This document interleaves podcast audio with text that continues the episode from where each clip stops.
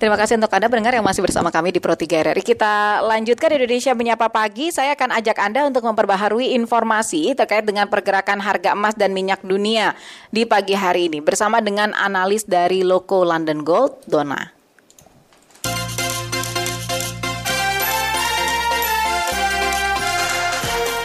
Selamat pagi Mbak Dona. Selamat pagi. Silakan informasi Anda. Terima kasih. Rilis risalah pertemuan FMC Mei dini hari tadi yang dinilai pasar kurang agresif memberikan tekanan lebih lanjut di seputar greenback dan menguntungkan komoditas berdenominasi seperti emas untuk membatasi penurunan lebih dalam bahkan mampu mengurangi kerugian sesi sebelumnya. Dalam risalah yang dirilis uh, dini hari tadi menunjukkan bahwa semua anggota mendukung rencana untuk mengurangi neraca sementara menambahkan bahwa setelah limpasan berlangsung dengan baik maka akan tepat untuk mempertimbangkan penjualan sekuritas yang didukung oleh hipotek. Selain itu, semua anggota FMC juga setuju bahwa kenaikan suku bunga 50 basis poin adalah tepat, sementara sebagian menilai kenaikan tersebut akan sesuai untuk beberapa pertemuan berikutnya. Bahkan peluang untuk kenaikan suku bunga 50 basis poin pada pertemuan September telah menurun tajam karena berita tersebut yang tampaknya juga mampu memberikan dukungan moderat di seputar ekuitas Wall Street. Karena faktanya kenaikan suku bunga yang agresif oleh bank sentral ini juga dapat memicu beberapa kekhawatiran akan semakin memperlambat pertumbuhan terutama uh, di tengah kekhawatiran resesi akibat dari eskalasi perang antara Rusia dengan Ukraina dan situasi COVID-19 di Tiongkok. Karena bagaimanapun kenaikan suku bunga juga merupakan kenaikan biaya bagi dunia usaha. Di sisi lain, European Central Bank menerbitkan tinjauan stabilitas keuangan yang tampaknya juga cukup berdampak pada uh, mata uang bersama euro karena para pembuat kebijakan bahwa peningkatan suku bunga real yang tiba-tiba ini juga dapat uh, menyebabkan koreksi harga rumah. Lebih lanjut, European Central Bank juga menambahkan bahwa koreksi lebih lanjut di pasar keuangan ini juga dapat dipicu oleh eskalasi perang, bahkan e, pertumbuhan ekonomi global yang lebih lemah atau jika e, kebijakan moneter perlu menyesuaikan e, lebih cepat dari yang diharapkan. Sementara itu meningkatnya ketegangan antara Amerika Serikat dengan Tiongkok setelah Presiden Amerika Serikat Joe Biden mengatakan bahwa negaranya akan membela Taiwan secara militer jika terjadi invasi Tiongkok yang tampaknya juga kembali membebani suasana pasar dan memberikan dukungan tambahan di seputar aset Vivian logam mulia. Berikutnya, pasar tengah menantikan rilis gross domestic product Amerika Serikat kuartal 1, estimasi kedua di awal sesi Amerika Serikat nanti malam. Bersamaan juga akan dirilis klaim tunjangan pengangguran awal dan lanjutan Amerika Serikat untuk beberapa petunjuk yang mungkin dapat uh, mempengaruhi sikap The Fed untuk kebijakan berikutnya, terutama pada pertemuan Juni. Kemudian dilanjutkan dengan rilis laporan penjualan perumahan tunda Amerika Serikat untuk bulan April pada pukul 21.00 waktu Indonesia Barat untuk beberapa peluang perdagangan setidaknya dalam jangka pendek. Gold ditutup di level 1853.65 US dollar per troy ounce dini hari tadi atau turun sekitar 1155 poin dari opening price.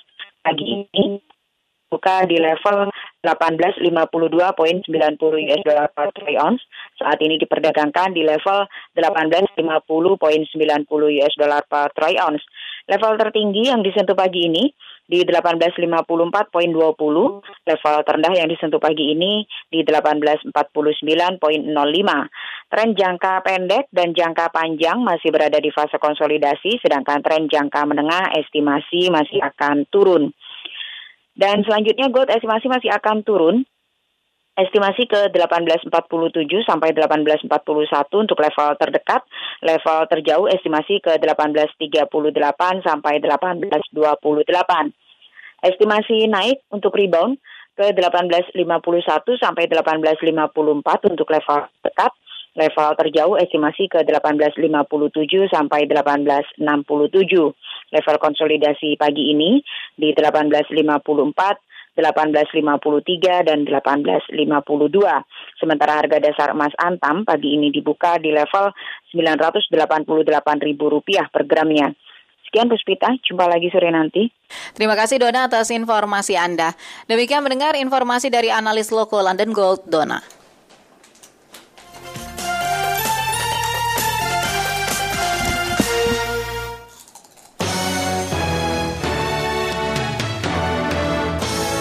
Jaringan Berita Nasional.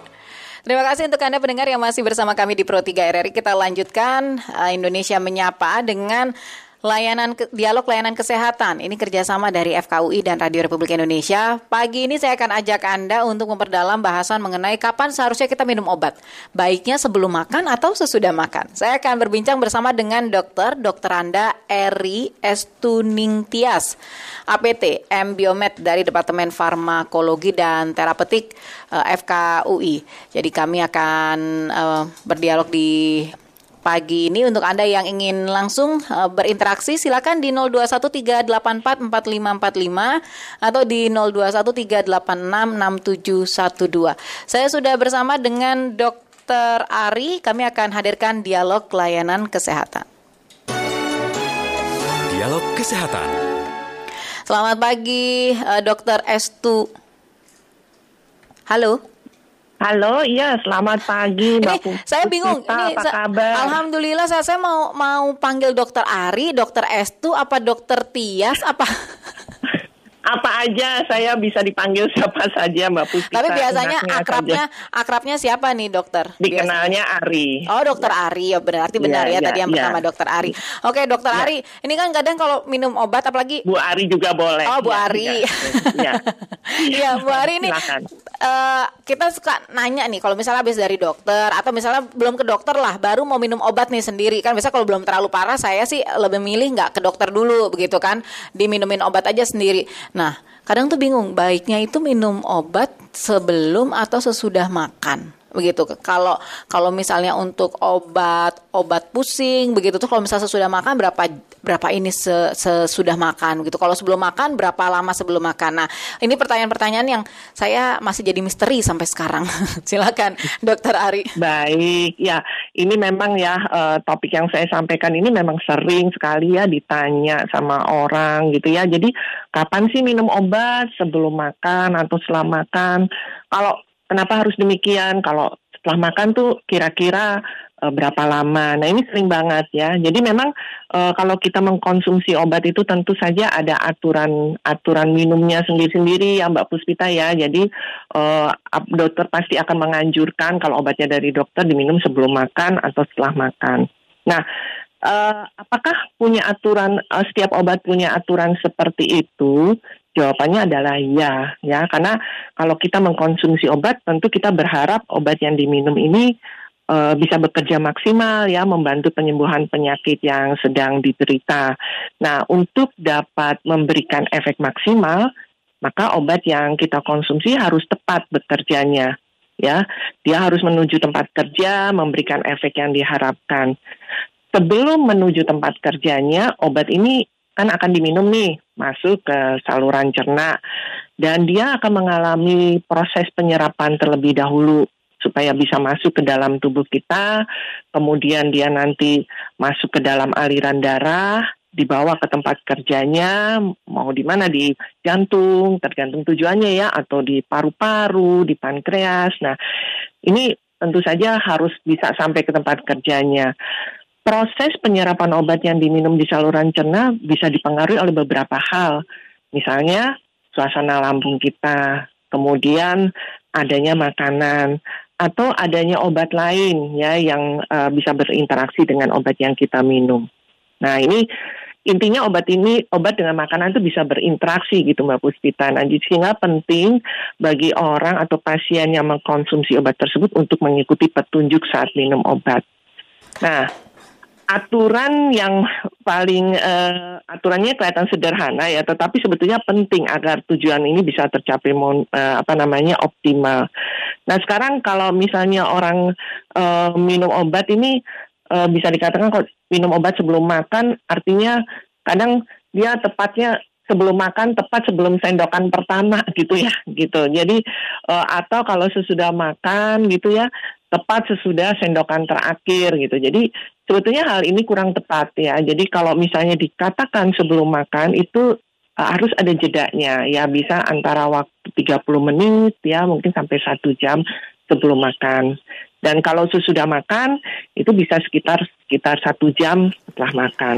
Kenapa? Mm -mm. Karena memang uh, ada beberapa obat yang dikondisikan uh, tertentu ya. Jadi dia misalnya kalau diminum setelah makan obat ini uh, mungkin dia me, apa ya namanya dikatakan meminimalisir mm potensi efek samping mm gitu. Jadi beberapa obat seperti kalau obat anti nyeri gitu iya. kadang-kadang memberikan efek samping uh, bisa mengiritasi lambung gitu ya. Jadi mengiritasi saluran cerna. Jadi dia kalau misalnya diminumnya setelah makan, tapi setelah makan jangan bersama-sama jadi setelah makan tepat ya. Biasanya mungkin setengah jam setelah makan. Seperti itu Mbak Puspita. Kalau minum hmm. sebelum makan ya memang iya. 30 menit sebelum makan seperti iya, itu. Iya. Jadi memang uh, waktu-waktu untuk kita mengkonsumsi atau kita minum obat itu sebenarnya dampaknya untuk uh, penyerapan khasiat obat itu sendiri begitu ya? Untuk kerja obatnya Betul. itu ya, Salah ya? satunya, salah oh, satunya okay, okay. dan kemudian salah satunya itu dan kemudian juga ada yang mungkin meminimalisir -hmm. efek samping efek yang mungkin samping. terjadi okay. seperti nah, itu. Nah, gitu. dok begini, yang kadang saya suka bingung ini antara vitamin dengan obat lambung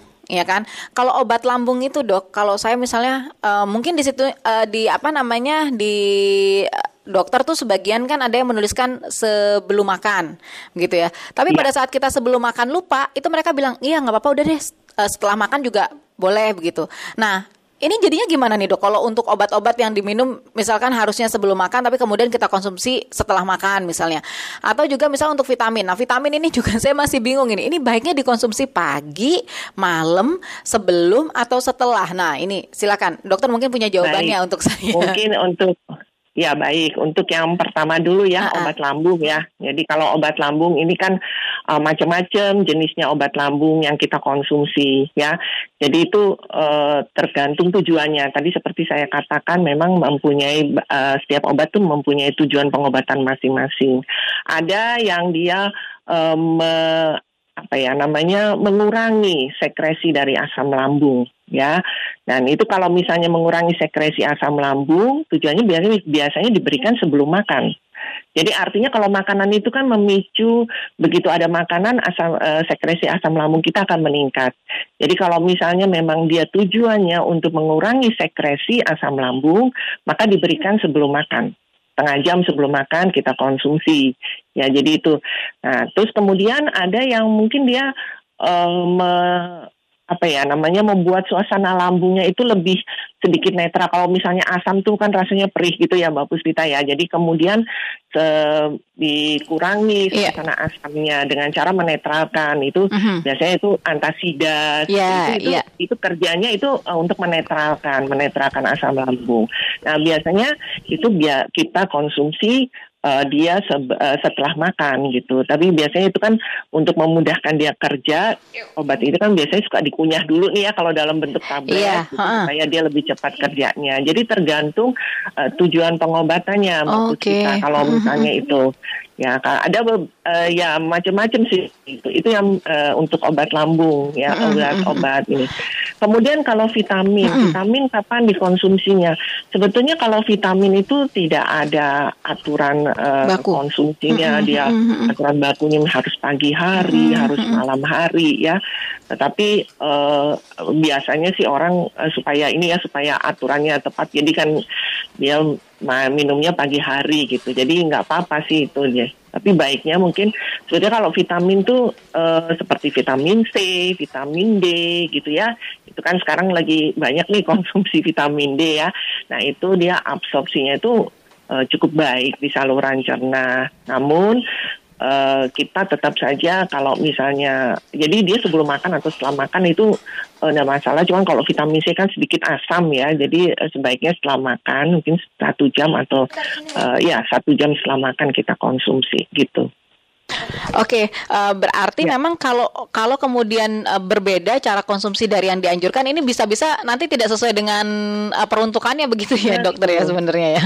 Betul, sebetulnya bukan tidak sesuai dengan peruntukannya, iya. maksudnya tujuannya oh, itu maksimal ya. Tidak maksimal ya betul betul betul. Ya, yang harusnya dia mengurai sekali. apa malah justru karena setelah tapi ada dampak atau efek samping yang negatif tidak dok kalau kita salah misalnya harusnya sebelum makan jadi setelah makan kita konsumsi. Harusnya uh, setelah makan tapi justru sebelum makan karena mungkin misalnya begini. Nah ini ini makan tuh makannya makan makan yang seperti apa? Makanan berat kah? Atau atau kadang begini dia makan buah atau makan pisang tuh atau misalnya makan roti. Nah yang penting udah makan begitu. Kadang-kadang kan kita begitu karena mungkin menem, nggak nggak menemukan makanan berat yang lain begitu. Nah itu apakah bisa seperti itu dokter Ari? Ya baik uh, uh, Mbak Puspita.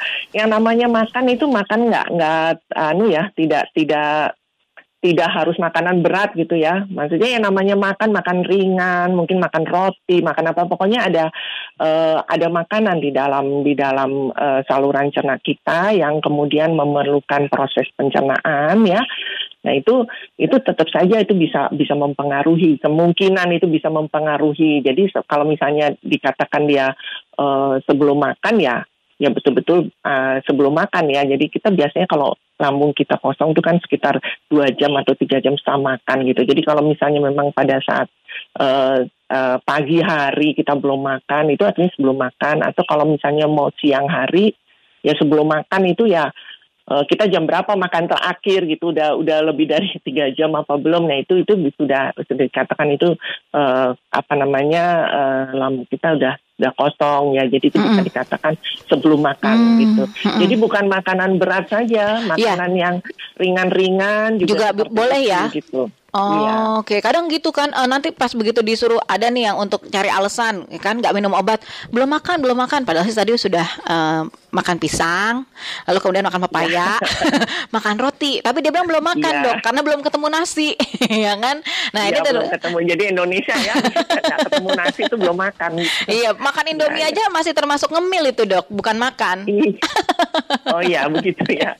dokter Dokter Ari terima kasih, ini sudah bersama dengan Pro 3 RRI tapi dokter boleh nggak kasih tips atau kasih himbauan untuk masyarakat terkait dengan tema kita uh, pagi ini? Jadi kapan sih harusnya minum obat sebelum makan atau sesudah makan baiknya? Silakan dokter Ari. Baik, ya. Jadi uh, mungkin pesan untuk pemirsa ya. Jadi kalau kita memerlukan pengobatan pasti uh, kita mengharapkan efek terapi yang maksimal ya. Jadi uh, penyakit atau gangguan kesehatan kita itu bisa diatasi dengan obat yang kita minum. Nah, efek terapi maksimal dapat dicapai jika obat itu dikonsumsi dengan tepat.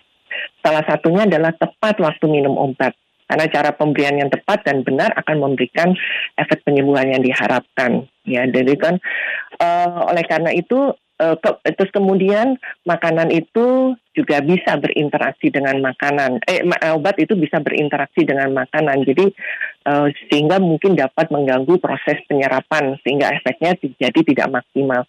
Oleh karena itu uh, patuhilah aturan minum obat yang sudah dianjurkan karena memang uh, dianjurkan oleh dokter ya atau ada yang terdapat dalam kemasan mm -hmm. obat yang iya. dikonsumsi yeah. karena setiap obat itu beda-beda kan yeah. aturannya gitu. Yeah. Jadi Nah, kalau misalnya nah setelah makan atau sebelum makan itu tidak tepat sendokan pertama yeah. setelah, uh, sebelum makan atau kalau setelah makan uh, itu sendokan terakhir kita hmm. suap ya, tetapi beri jeda waktu antara makan dan minum obat oh, ya okay. sekitar 30 menit okay. supaya bisa mendapat efek terapi yang maksimal. Baik. Itu Mbak Puspita. Dokter Ari, terima kasih banyak sudah bersama dengan Pro 3 RRI, Dokter. Sama-sama Mbak Puspita. Selamat kembali beraktivitas. Salam sehat selalu, Dokter Ari. Ya, selamat sama. Terima kasih pemirsa semua. Salam sehat semua untuk uh, pendengar Pro uh, 3 FRI. Baik. Ya juga Mbak Puspita. Iya, terima kasih. Selamat terima kasih. pagi.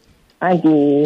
Demikian mendengar Dokter Dokter Anda Ari Estu Ningtyas APT Biomed dari Departemen Farmakologi dan Terapeutik. Untuk Anda yang masih ingin mengetahui informasi-informasi terkini, jangan ke mana-mana karena sesaat lagi rekan saya Esti Sulistia akan kembali menemani Anda dalam Indonesia Menyapa.